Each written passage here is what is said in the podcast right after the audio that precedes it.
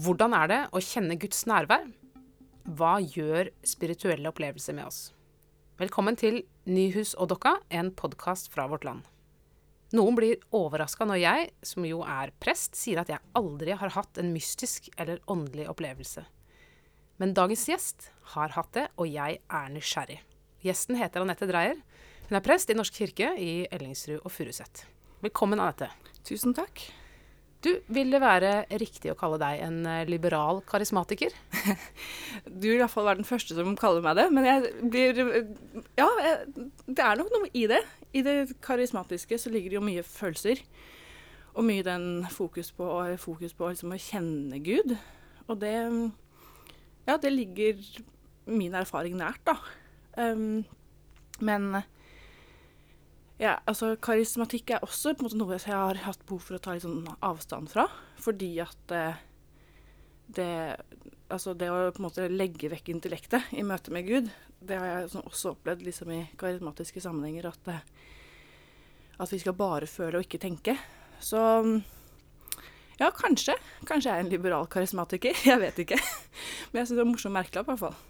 Ja, Vi kan komme litt eh, tilbake til dette med karismatikk etter hvert. Men eh, kan ikke du fortelle, du vokste ikke opp i noen kristen familie. Du har ikke noen kristelig bakgrunn eh, sånn i utgangspunktet? Nei, jeg har egentlig en ganske alternativ bakgrunn. Jeg gikk på Steinerskolen og elska det. Det var liksom en skole full av mysterier og eventyr som jeg virkelig liksom levde meg inn i. Um, og familien min er ikke noe sånn utprega De er medlemmer av kirka, men ikke sånn utprega troende, på en måte. Um, men jeg fikk en barnebibel da jeg var liten, og den leste jeg altså i, til filler. Og så hadde liksom, liksom tro har vært en sånn en dimensjon ved livet. Sånn Onkelen min er muslim, og jeg husker da jeg var liten og han kom på besøk og trakk seg til side for å be, så jeg pleide å stå liksom, i døråpninga og se på han. Og jeg var liksom fylt av sånn utrolig lengsel etter sånn Hva er det han, hva er det han gjør som som gjør han til troende? Eller hva er det han har, som ikke jeg har? Eller sånn, Jeg var utrolig nysgjerrig, da. Så jeg har på en måte hatt den derre lengselen alltid, tror jeg. Og hva, hva Når endra det seg? Når, når, når, ble det deg som ba? Ja, når ble det meg som ba? På et vis så tenker jeg at jeg alltid har bedt. Eh, men jeg har ikke kanskje helt visst hvem. Eh, men jeg husker jeg, altså sånn, jeg, Vi hadde hund da jeg var liten, og på turene så pleide jeg liksom å synge velsignelsen og sånn. Jeg hadde sikkert snappa den opp fra en eller annen radioandakt eller noe sånt noe. Og så um, fikk jeg nok et bevisst forhold til at jeg var konfirmant. Og da hadde jeg hatt noen måneder eller kanskje et år som, som skikkelig hardbarka ateist. Ja. Fordi at uh, jeg syntes at uh, George W. Bush var så dum. Og jeg syns han, sånn, det han representerte det var, Jeg var rett etter 11. september. Så, uh, så kjente jeg veldig at jeg kunne ikke er sånn, alt som har med kristendom å gjøre, fikk veldig sånn bismak, da. Så, men så ble jeg konfirmant og fikk oppleve å stille spørsmål. Og opplevde liksom mennesker som hadde gode, reflekterte svar. Og så var det veldig sånn, det var sånn kveldssamling, og vi sang sanger og sånn. ikke sant? Sånn rett opp i sånn en som er sånn følelsesmenneske som meg, da. Så det her gikk jo rett inn. Eh, så jeg gikk til forbønn eh, mm. med formål om å bli kristen. Uh, og så hadde jeg en opplevelse hvor jeg rett og slett uh, mener selv da, at jeg så Jesus, liksom, i rommet. Ja. Uh, og etter det så har jeg på en måte kalt meg kristen. Og når jeg ser tilbake på det i retrospekt, så på en måte så tenker jeg også at jeg ble døpt som barn, så jeg har på en måte alltid vært kristen. Men da fikk jeg et ja, et, da, ja, da, fikk jeg en plass i kirka, da. Som, som jeg ble bevisst, og som ble min. Ja. Hvordan var den opplevelsen? Kan du beskrive den uh, ja. visjonen? Ja, nei, altså Jeg satt der med en ungdomsleder og en voksen, og de la hendene på meg og ba for meg. Og spurte, så spurte de om jeg ville ta imot Jesus. Jeg tror det var det språket de brukte. Og jeg sa vel ja, da. og så under bønnen så, så, så jeg en Jeg så en, en, skikkelse som jeg kjente igjen som Jesus, på en måte. Kan du huske liksom klær, ansiktstrekk og sånn? Jeg husker lys. Ja. Varme. Eh, jeg tror ikke jeg liksom husker ansiktet eller altså Jeg husker utstrakte hender. Um, dette her snakker jeg aldri om, så det er morsomt at jeg gjør det liksom første gang ja. på podkast. Men, men, det er viktig for meg å si da, at liksom, jeg tror ikke det er en allmenn opplevelse. Eller sånn, jeg, tror ikke dette liksom, Dette var en opplevelse som hjalp meg inn til tro. Men jeg tror ikke at eh, Jeg tror ikke min opplevelse av en sånn visjon nødvendigvis hjelper andre, på en måte. Skjønner du? Jeg tror ikke Mm. den, altså, den er ikke noe gudsbevis. Men den hjalp deg, Den eller hjalp meg. Ja, Ja. veldig. fortalte du eh, noen hva du hadde sett? Ja, jeg gjorde jo det. Jeg, jeg, tenkte at dette, da, for da var jeg helt ny til dette her. Ikke sant? Så da tenkte jeg at dette var kanskje noe alle hadde. Ja, det er sånn det er, ja. Nettopp. Det er sånn, ja. er, sånn er det. Ja. Uh, så, og da ble jeg vel møtt med, med mild undring, tror jeg. Eh, men veldig sånn positivt, altså. Det var sånn, folk, eh, folk ble ikke redd av at jeg sa det. Eh, og jeg hadde ikke noe sånn derre Nå så ville jeg sånn tenkt at eh, sier jeg dette, så kan jo folk tenke at jeg er psykotisk. Mm. Men det var ingen som måtte Ingen rundt meg tolka meg sånn, da. Og det tenker jeg på tilbake når jeg ser tilbake på det, at det tror jeg var godt at jeg liksom fikk lov til å ha den opplevelsen uten at den ble problematisert. Og så har jeg også tenkt at det er en veldig annerledes opplevelse som ja, som jeg syns jeg var heldig som fikk, da. Hva, hva sa foreldra dine da du kom hjem og hadde møtt Jesus? Jeg tror de ble litt, litt tatt på senga. Eh, For jeg ble jo Altså, jeg gikk jo fra Altså, vi reiste på konfirmasjonsleir, og jeg var helt sånn veldig bevisst på at dette her skal jeg ikke bli en del av, liksom. Um, Jf. på min motstand mot den kristendommen jeg hadde sett, da. Og så til å komme hjem igjen og full, jeg sitter, jeg setter lovsangen på full guffe og begynne i klubben i kirka og liksom Ikke bare det, men jeg begynte å gå på gudstjeneste, og jeg Altså, kirka ble livet mitt, da. I tillegg til skole, liksom. Og jeg fikk jo et helt nytt nettverk og altså Jeg kan se for meg at det var ganske Altså, hadde mitt barn endra seg så radikalt i løpet av en uke, så ville jeg Sagt nei til konfirmasjon fra Ja. Nav. Ikke sant? Ja. ja og liksom møtt det med sånn skepsis, kanskje. Eh, Så jeg tror de syntes det var rart. Men jeg fikk lov da, å gå i kirka, og jeg tror de så at det var et sted hvor jeg kunne utfolde meg. Og det var det jo. Når du sier at du endra deg radikalt eh, En ting er på en måte hva du eh, Hvilken musikk du hørte på, hva Ja. du gjorde på fritida, men hva, gjorde det noe med deg som menneske også, følte du? Ja, jeg følte at jeg ble satt inn i en sammenheng jeg ikke hadde sett før. Jeg tenkte at nå har jeg eh, nå har, Eller altså, i hvert fall de ordene jeg bruker nå, da. Nå har jeg en dimensjon ved livet som, eh, som jeg ikke hadde før. Og jeg så meg selv i et helt annet lys. Um, og så verden i et annet lys. Uh, det å liksom Jeg har alltid vært sånn som får Altså, jeg, jeg har masse sterke følelser. Uh, alltid sånn Det å se en solnedgang har alltid fylt meg med masse. Men nå så ble det liksom et altså, sterkt uttrykk for Guds vedvarende, vidunderlige kjærlighet. ikke sant? Så, på en måte, så det handler om ja, hvilket blikk jeg møtte verden med, da. Og når jeg på en måte klarte Eller når, når for meg, når jeg så Gud overalt, så ble også noe av på en måte min ensomhet borte. Jeg tenker at alle mennesker dypest sett kanskje er alene. Eh, og det har jeg kjent på som barn og ungdom og voksen også. Eh, men den dimensjonen som troa har gitt meg, da, har gitt en sånn trygghet i at eh, ingen Altså, under alle dyp så finnes Gud. Under, under alt som av vondt, under all, og overalt av på en måte erfaring, så, så finnes Gud, da. Så vi er ikke alene. Og det tror jeg ble en veldig viktig erfaring for meg. Det, det du beskriver nå, er jo en, en, en høres jo veldig godt ut. Eh, veldig fint. Ja, det, ja. Var det bare fint, eller var det også noen ting, sider ved det som var vanskelig for deg? Det var noen sider som ble vanskelig, ganske fort. Um, for jeg begynte jo å gå i kirka, og, begynte, og i den klubben jeg gikk i, så var det, det var mye, mye frihet og mye ansvar gitt til ungdommene som var ledere. Um, det betyr at også forkynnelsen tidvis var veldig preg av, av det. Og jeg hadde jo ingen verktøy for å kunne skille mellom hva, hva er viktig og riktig for meg, og hva hva er på en måte kjerne, og hva er ikke kjerne i kristen teologi. Så det, og så kom jeg nok liksom litt sånn inn i en sånn subkultur hvor det å virkelig liksom gi livet sitt til Jesus var det eneste som telte, og, og det fikk noen sånn Iallfall sånn som jeg husker det, da, så ble det veldig mye fokus på å leve riktig innenfor gitte parametere, som jeg ikke nødvendigvis var enig i. Og for meg som alltid har vært opptatt av som kvinnesak og feminisme og sånne ting, så merka jeg fort at det butta, da. Og da ble jeg veldig, veldig veldig redd for at dette fantastisk vakre som hadde blitt gitt meg i gave, skulle bli tatt fra meg på en annen måte. Fordi at jeg skilte meg ut i forhold til meninger, i forhold til kanskje i hvert fall noe av det som De lederne som jeg så opp til, deres kvinnesyn og syn på kjønnsroller og syn på seksualitet og syn på liksom, ja, hvordan man levde livet. Og så var jeg veldig opptatt av sosial rettferdighet. Og opplevde at det var det rom for hos mange i kirka, men så var det hos noen som, som jeg så opp til, da.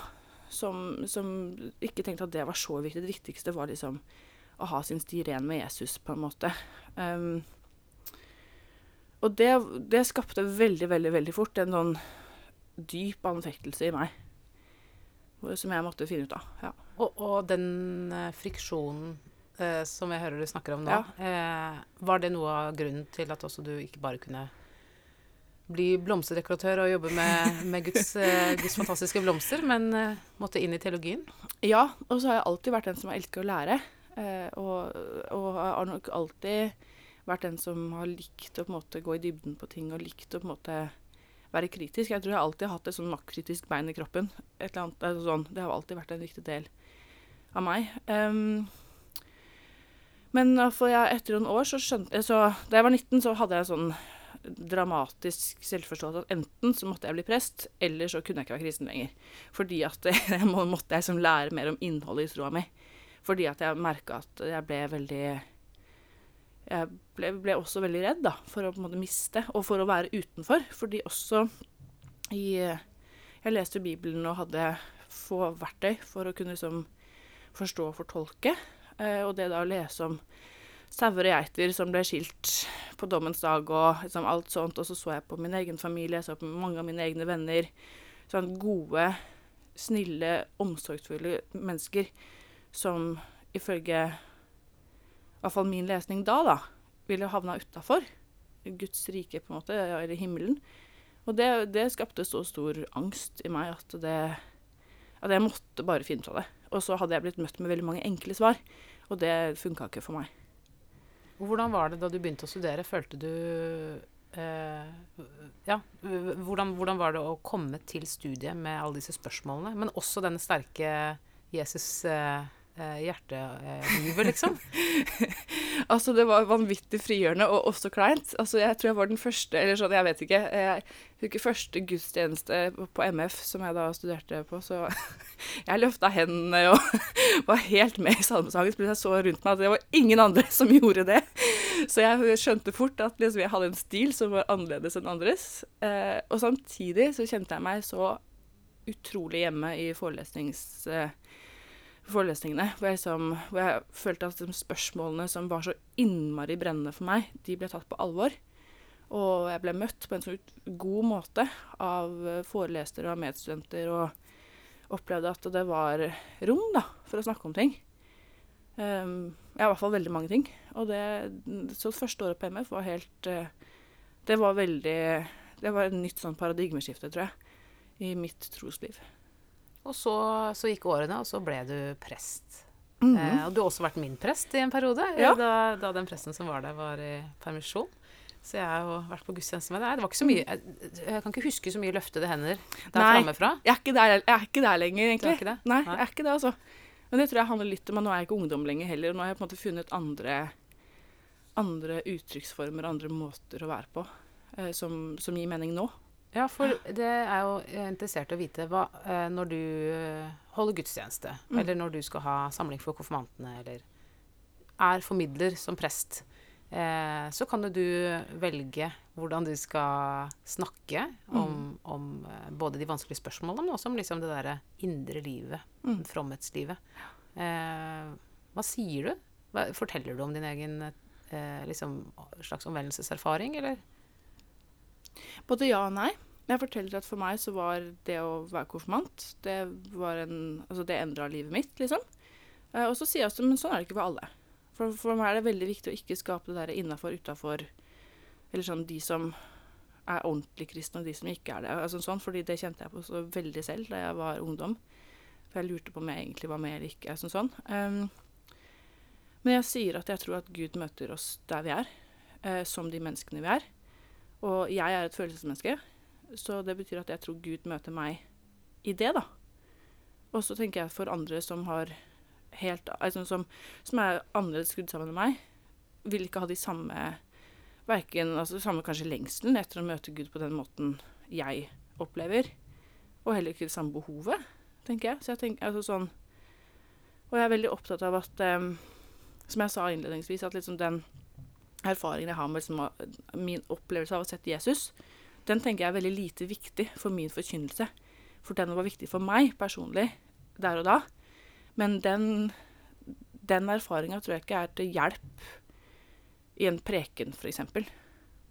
Det tenker jeg virkelig ikke. Når jeg har hørt andre fortelle om at de har sett Jesus, så tenker jeg at det er fint for dem. på en måte, eller sånn. Men jeg prøver å på en måte skape et rom der hvor det er lov å stille spørsmål, hvor det er lov å på en måte finne, finne sin, sin vei, da. Og så har jeg opplevd at liksom at særlig mange konfirmanter og sånn er på en måte nysgjerrige på hva det betyr å tro, og ønsker liksom å snakke om det. Og da prøver jeg liksom heller å lytte meg inn på hva, hva er deres språk, og hva er deres liksom forståelseshorisont. For jeg tenker at her er det ikke noen fasiter. Her er vi forskjellige mennesker, og det er bra. Ja, eh, når du selv, når du ikke trenger å ta hensyn til andre, når ikke du skal lede noen gudstjeneste, mm. men bare tenke det er søndag morgen, du har fri, du kan gå hvor du vil. Mm. Eh, hva slags type gudstjeneste oppsøker du da? Hva er det som kjennetegner eh, det? Altså Nå er det i stor grad høymesse norske kirke. Fordi nå Altså, jeg tar med følelsene mine overalt hvor jeg går. Og liksom det å se meg selv som en del av en lang, lang, lang rekke av mennesker som tilber Gud gjennom liturgi, på en måte. Eh, det, for meg er det veldig sterkt. Um, siste årene har jeg gått i Kraftverket menighet. Fortell om Kraftverket, for de som ikke kjenner til det. Ja, Det er en, eh, en menighet som er vel under Frikirka, tror jeg. Det er litt sånn tilfeldig at jeg går akkurat der, men da jeg traff han som er mannen min, så hadde jeg akkurat slutta i det vikariatet du nevnte i stad, mm. og da var jeg litt sånn på utkikk etter et trosfellesskap. Eh, og så ble jeg tatt imot på en god måte. De er eh, en veldig sånn laidback forsamling. Mm, fokus på musikk og sånn. Og så er det ja, mange hyggelige, imøtekommende mennesker, liksom. Jeg vil ikke si at, eh, at jeg har liksom funnet mitt endelige åndelige hjem. Det føler jeg ikke, men det tror jeg kanskje jeg aldri helt kommer til å finne. Eh, men men er det henda i været der? Nei, ikke henda. Der er det henda godt planta under rumpa, holdt jeg på å si. Altså, der er det ingen hender i været. I lommene? Ja. Det er det, Så der er på en måte Ja, det er andre ting, da. Men, men jeg syns forkynnelsen er god. Og ja. Og selv om jeg har på en måte vært et sted hvor hendene har vært i været, så er jeg ikke der lenger. Og det tror jeg handler om bare ja, livsløp og livserfaringer og ja, hvordan man endrer seg som menneske, kanskje. Ja. Og, og, når det ikke er søndag, når det er vanlig hverdag, har du en, en på en måte en slags form for trospraksis, et fromhetsliv? Noe du, noe du gjør for å komme i kontakt med Gud, eller i, hva, skal, hva skal man si? Hvilke ord bruker ja. du? Altså, jeg tenker at Gud er i kontakt med meg hele tiden. Eller alle mennesker. Ja, for du Men, sendte ja. meg, Kan jeg bare lese det? Du sendte meg et, eh, et, eh, et utsnitt fra apostelgjerningene 17, hvor det står Han er jo ikke langt borte fra en eneste av oss, for det er i ham vi lever, beveger oss og er til. Mm. Det er et nøkkelord for deg? Ja, det er det, altså. Um, jeg tenker at uh, For meg så handler troslivet mitt i stor grad om å øve meg å legge merke til. Øve meg å se hvor Gud er til stede i mitt liv. Og jeg tenker at eh, det er overalt, da. Men jeg, eh, jeg må øve meg å skjelne det. Så derfor så prøver jeg å ha en, ha en bønnepraksis hver morgen hvor jeg ja, ber en enkel liturgi og sitter litt i stillhet og leser dagens bibeltekst, liksom. Og så prøver jeg å ha med, det, ha med den teksten inn i dagen. Um, og så, så gjør jeg noe som heter eksamen på kvelden. Um, ikke alltid, men jeg husker det. Hvor jeg på en måte går gjennom dagens liksom, morgen, formiddag, ettermiddag, kveld, og prøver å se tilbake på hva, hvor var det Gud møtte meg i dag. Hvor var det jeg kunne Eller var det noe sted jeg kunne legge merke til det? Og var det noe sted jeg kanskje avviste um, Avviste muligheter for godhet, eller for Ja, eller lukka øynene for, for noe som som var en kime til noe kanskje Gud ville gi, da. Gjør du dette aleine, eller eh, sammen med mannen din? Eh, dette gjør jeg alene. Også morgenliturgi det gjør jeg ofte sammen med mannen min, og når vi ikke gjør det sammen, så gjør jeg det alene. Og da, da sitter du i en stol, Ja, da sitter Ja. jeg i en stol, tenner du lys. tenner lys, setter fram et ikon eh, av Jesus og eh, samler meg i stillhet, og så ber jeg en liturgi som er henta fra korsveibevegelsen. Som er sånn bare sånn daglig pusteromsliturgi, heter den. Og ja, prøver å gi meg selv den tida jeg trenger for at Ja, for at jeg skal kunne bli stille inni meg og legge merke til noe annet. Hva slags eh, følelser eller eh, fornemmelser har du når du gjør dette? Ofte er det ingenting. Eh, andre ganger er det masse. Um, jeg tenker også at Gud møter meg i det jeg ikke føler, på en måte. Eller sånn i det Ja. At uh, når det er stille, så er ikke det et problem. Eller sånn jeg øver meg å tenke det. Fordi svakheten med en sånn tilnærming som jeg har, da, er jo at eh, man blir helt avhengig av de følelsene. Og det, det er ikke bærekraftig. Um, så av og til så føler jeg veldig dyp glede. Veldig dyp takknemlighet for at jeg får lov til å ha den, den dimensjonen i livet. Ehm, andre ganger så er det som å snakke til en vegg. Eh, og det tenker jeg er en del av en menneskelig erfaring, liksom. Ja, jeg syns det, um, det er veldig fint å høre på, uh, det du forteller. Og jeg, jeg, uh, jeg tenker på veldig mye av den uh, implisitte og eksplisitte samtalen vi har i, i kirka når vi snakker om, om ting som dette, altså om Mm. erfaringsdimensjonen i troslivet, så er det jo veldig ofte bare noen typer erfaring som bli, får lov til å bli teologisk. Ja. signifikante. Ja. Altså det er, det er bare opplevelsen av nærvær Mm. som tas med inn. Mm. Det er ikke Eller eventuelt, hvis det er opplevelse av fravær, så er det liksom Der var det mørkt. Mm. Eh, det var liksom mørke, og da var Gud borte, eller da så Mm. jeg ikke Gud. Mens opplevelsen, som du sier, av å snakke til en vegg, den tror jeg jo på en måte veldig mange av oss kan kjenne igjen i. Ja. Vi kjenner oss igjen i. Um, men den, den er liksom ikke Den fins ikke. Den, den, den derre alminnelige ingenting-følelsen, den blir ikke teologisk fortolka Mm. eh, i stor grad. Den, den, den er på en måte bare ja, ingenting. Mm. Eh, og, og, det er den ene sida av det. Og den andre sida er jo at når vi snakker om menneskelig erfaring, så, så blir det der da foran Altså menneskelig erfaring i troslivet, så blir det der foran, foran ikonet. Mm. Mens erfaringen av å spise knekkebrød eller eh, ta bussen, det er liksom Det er hverdagen. Det er det andre livet, på en eller annen måte. At, at Mm. eh, det åndelige eller det teologisk viktige, det skjer liksom. Mm. Det er spesifikt. Det er lukka. Mm. Og det syns jeg er så synd. Fordi at jeg tenker at eh, altså Det er Gud vi lever, beveger oss og er til. Og da er Gud på 79-bussen også, liksom. Da er Gud i det knekkebrødet. Jeg tenker liksom ofte at eh, vi legger opp til en veldig sånn derre dualistisk eh, både verdensforståelse, men også livsforståelse. At vi liksom går inn og ut av, av rom der Gud er, og der Gud ikke er. Og det syns jeg er så trist. At vi liksom skal gjøre oss avhengig av en viss fortolkning eller en viss liksom, ramme for å kunne si at liksom Som du spør meg hvilke praksiser jeg har, så, så er det veldig lett for meg å svare ja, jeg ber, og jeg synger salmer, og jeg sitter i stillhet og tenner lys. Men jeg går også på klimabrølet fordi jeg er kristen. Jeg, altså, jeg deltar i aktivisme fordi at jeg syns det er viktig. Ikke sant? Og jeg tenker det er også en del av et kristent liv. Og jeg syns det er viktig å prøve å ta vare på folka rundt meg, og prøve å øve meg og be om hjelp når jeg trenger det. Altså, det er like mye en kristen praksis, tenker jeg.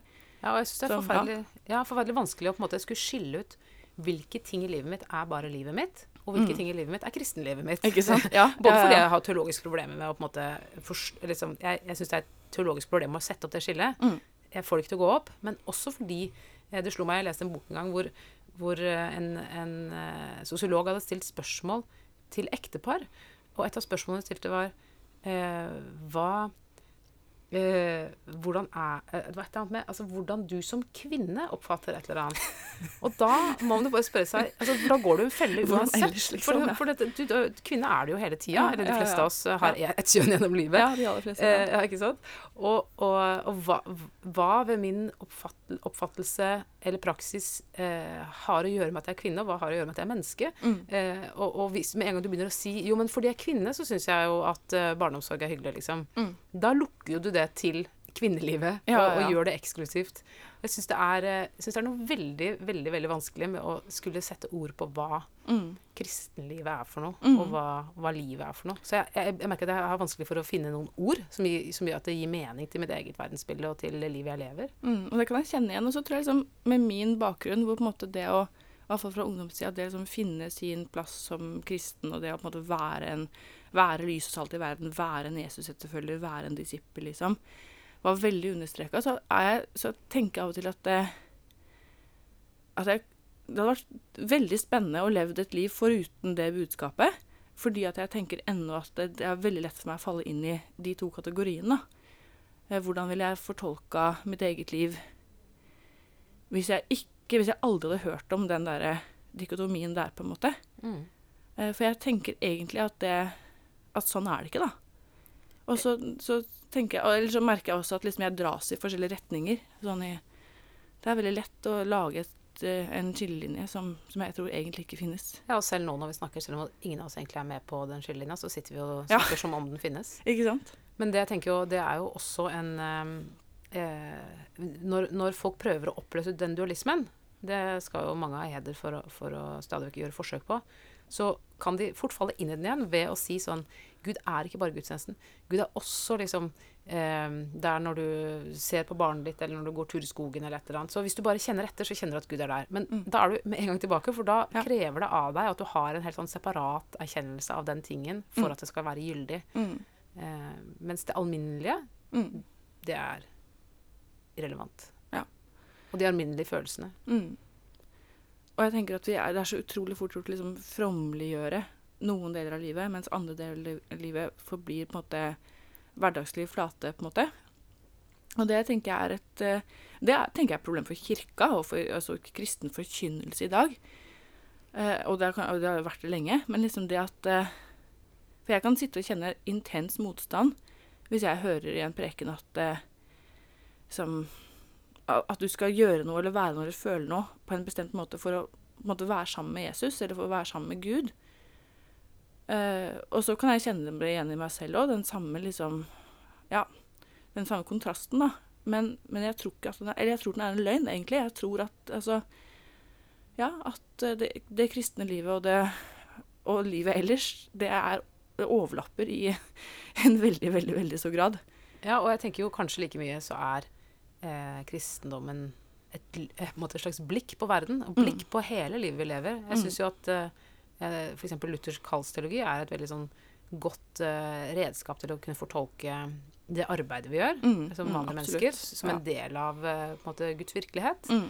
Uh, men da er det jo veldig mye lettere å snakke om liksom, bonden som dyrker kornet. ja, ja. Ikke liksom så mye om frisøren som klipper håret, eller Nei, eh, liksom konsulenten som eh, setter opp Post-It-lapper. Mm. Ja, ja. Vi er på en måte fanga i en sånn der eh, metaforkrets som er Eller ikke metaforkrets bare, men, men også på en måte en, en slags virkelighet som tilhører både null- nulltallet og 1500-tallet. Mm. ja. Mm. Så det å ta det inn i vår, våre liv, Mm. det er en vei å gå. Ja, det er det. Absolutt. Jeg syns det var morsomt det du nevnte om at, um, din, eh, at du så på onkelen din B som muslim. Mm. Mm. Eh, fordi jeg vet at du også i yrkeslivet ditt har vært engasjert i religionsdialog. Mm. Da er det kanskje først og fremst eh, muslimer du snakker med? Ja, eh, altså jeg 40% av min arbeidstid nå bruker jeg på religionsdialog. Og der hvor jeg jobber i Ellingsrud Furuset, så er det mange religioner eh, til stede. Så jeg jobber med muslimer, sikher, eh, buddhister, hinduer, eh, alternative Ja, mye forskjellig. Eh, Men absolutt mange muslimer. Og, og det som jeg tenker i forlengelsen av de andre tingene vi har snakket om, er jo at eh, det at du eh, har en så sterk erfaringsdimensjon knytta til troen din, kanskje Mm. også kan gjøre at du får en annen måte å snakke med annerledestroende på enn som jeg, f.eks., er veldig opptatt av dogmatikk. Av læren. Hva Mm. tror vi på? Mm. Eh, da har jeg vanskelig for å relatere til folk som har en annen dogmatikk. Mm. Mens hvis ditt tyngdepunkt ligger et annet sted, hvordan er det i møte med en muslimsk kvinne, f.eks.? Nei, altså Jeg har jo en veldig sånn Jeg tenker jo at eh, når Gud har skapt alt, og alt som lever, så har Gud også skapt de alle mennesker jeg møter.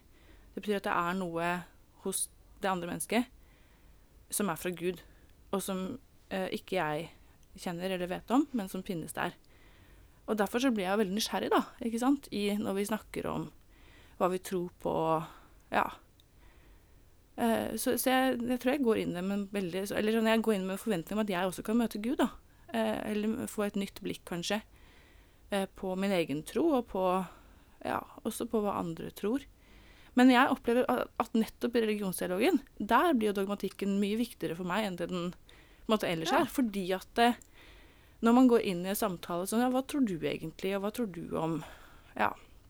Jeg hadde en samtale med en muslimsk kvinne om, om demoner, av alle ting. Jeg husker ikke helt hvordan vi kom inn på det, men det, det var nå det vi snakka om, da. Eh, og da, da, ble det plutselig liksom Ja, hva er det jeg hva, hva, hva sier min tro og min dogmatikk vår dogmatikk om, om alt det andre, på en måte, eller sånn, på en måte, om ondskap, f.eks. Eller om på en måte ja, Så, så, så da, da, blir det plutselig nyttig for meg å hente, hente fram igjen dogmatikken, og hente fram liksom, rammene for det, for det Kirken står for, og det som jeg også står for. Um, og så opplever jeg at det blir tydeliggjort, da, sånn Jeg snakker med muslimer som også har et veldig, veldig, veldig sterkt forhold til Jesus, og en veldig ærbødighet i forhold til Jesus så synliggjøres det for meg hva er det Hva er det i kristendommen eh, som gjør Jesus spesiell? For meg, da. Ikke sant?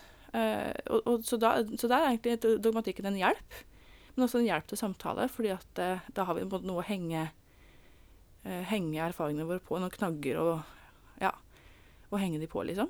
Hvis du snakker med en, eh, en muslim om uh, bønnepraksis, f.eks. Mm. Kan, du, kan du merke at dere er i slekt, på en måte? At dere har noe av det samme? Ja, det tenker jeg. Um, og så tenker jeg ofte at, uh, at mange av mine muslimske dialogpartnere og venner har noe som jeg ikke har. Eh, ja. Som handler om en, uh, en rytme og en plikt og en Altså, ja. Eh, hvor det er integrert i livet på en helt annen måte enn det det er for meg som kristen. Og da kan jeg kjenne på liksom, sånn, Et av de uttrykkene vi bruker i religionsdialog, er jo på en måte hellig misunnelse. Og liksom kunne se på det noen andre har, da. Med sånn åh, det var vakkert. Ja, for det hun eh, Barbara Brown Taylor, som eh, du har tipsa meg om ja. en gang, hun har skrevet en bok som handler om det, ja, som heter ja. Holy Envy. Ja, akkurat bestilt den. Ja, veldig morsomt. Og det syns jeg er fascinerende å høre henne fortelle om hvordan du kan hvis du, hvis du, er bevisst på det, den følelsen i mm. møte med annerledes troende enn deg selv, mm. eh, så kan du også rydde veldig i ditt eget forhold til andre religioner. Mm. Fordi det, mm. noen ganger så er vår skepsis også til dels en misunnelse. Mm. Og noen ganger så kan vi integrere de tingene som vi savner, andre ganger så kan vi ikke det. Mm. Og jeg tenker jo i begge deler så ligger det en mulighet da, til å gå dypere både liksom, i sin kunnskap om, om, det noen andre tror, men også i, i, erkjennelsen av hva en tror selv. Um, fordi når man merker at her er det noe som virkelig bryter, så, så vil jo på en måte ens egen tro fra, tre fram på en, på en ny måte uh, i et nytt perspektiv. Uh, og på en annen måte så kan jeg liksom ja, se på mine dialogpartnere og tenke sånn Oi, dette var et sånt fellesskap skulle jeg ønske at jeg også hadde. Eller en sånn bønnepraksis skulle jeg gjerne kunne ta del i, på en måte. Og, og så bruker jeg ofte det til å reflektere tilbake til mitt eget, da. Og, og da ser jeg at det finnes jo masse kilder på en måte, i min tro òg, som, som, jeg ikke har visst om, kanskje, eller som jeg ikke har vært så bevisst. Som, som drar meg da, i en retning nærmere bønn, eller nærmere fellesskap, eller nærmere omsorg for skaperverket, eller ja, hva enn det er. på en måte. Nå er uh, dette en av de siste arbeidsdagene du skal ha på en god stund. Ja. Fordi uh, de som virkelig hører godt etter, hører at Anette er litt det hun kalte for gravidandpusten. Det er lite plass, til, å, litt, lite plass til å puste helt på toppen plass. der. For snart så skal du ut i barselspermisjon og mm. leve et uh, liv som du ikke kjenner fra før. Ja. Hvordan tror du det kommer til å ja, Du har kanskje allerede kjent litt på at det har gjort noe med måten du tenker og tror på? Ja, ja, det, har, ja, det gjør jo det. Um, jeg går inn det med veldig sånn derre uh, beven uh, og forventning. Uh, og er veldig, ja, veldig spent, for liksom det er en, helt annen, et helt annet liv og en helt annen framtid som ikke handler om meg eller om jobb eller om ja, det som jeg vanligvis gjør. Nå handler det om å vise omsorg for et lite menneske. Men ja.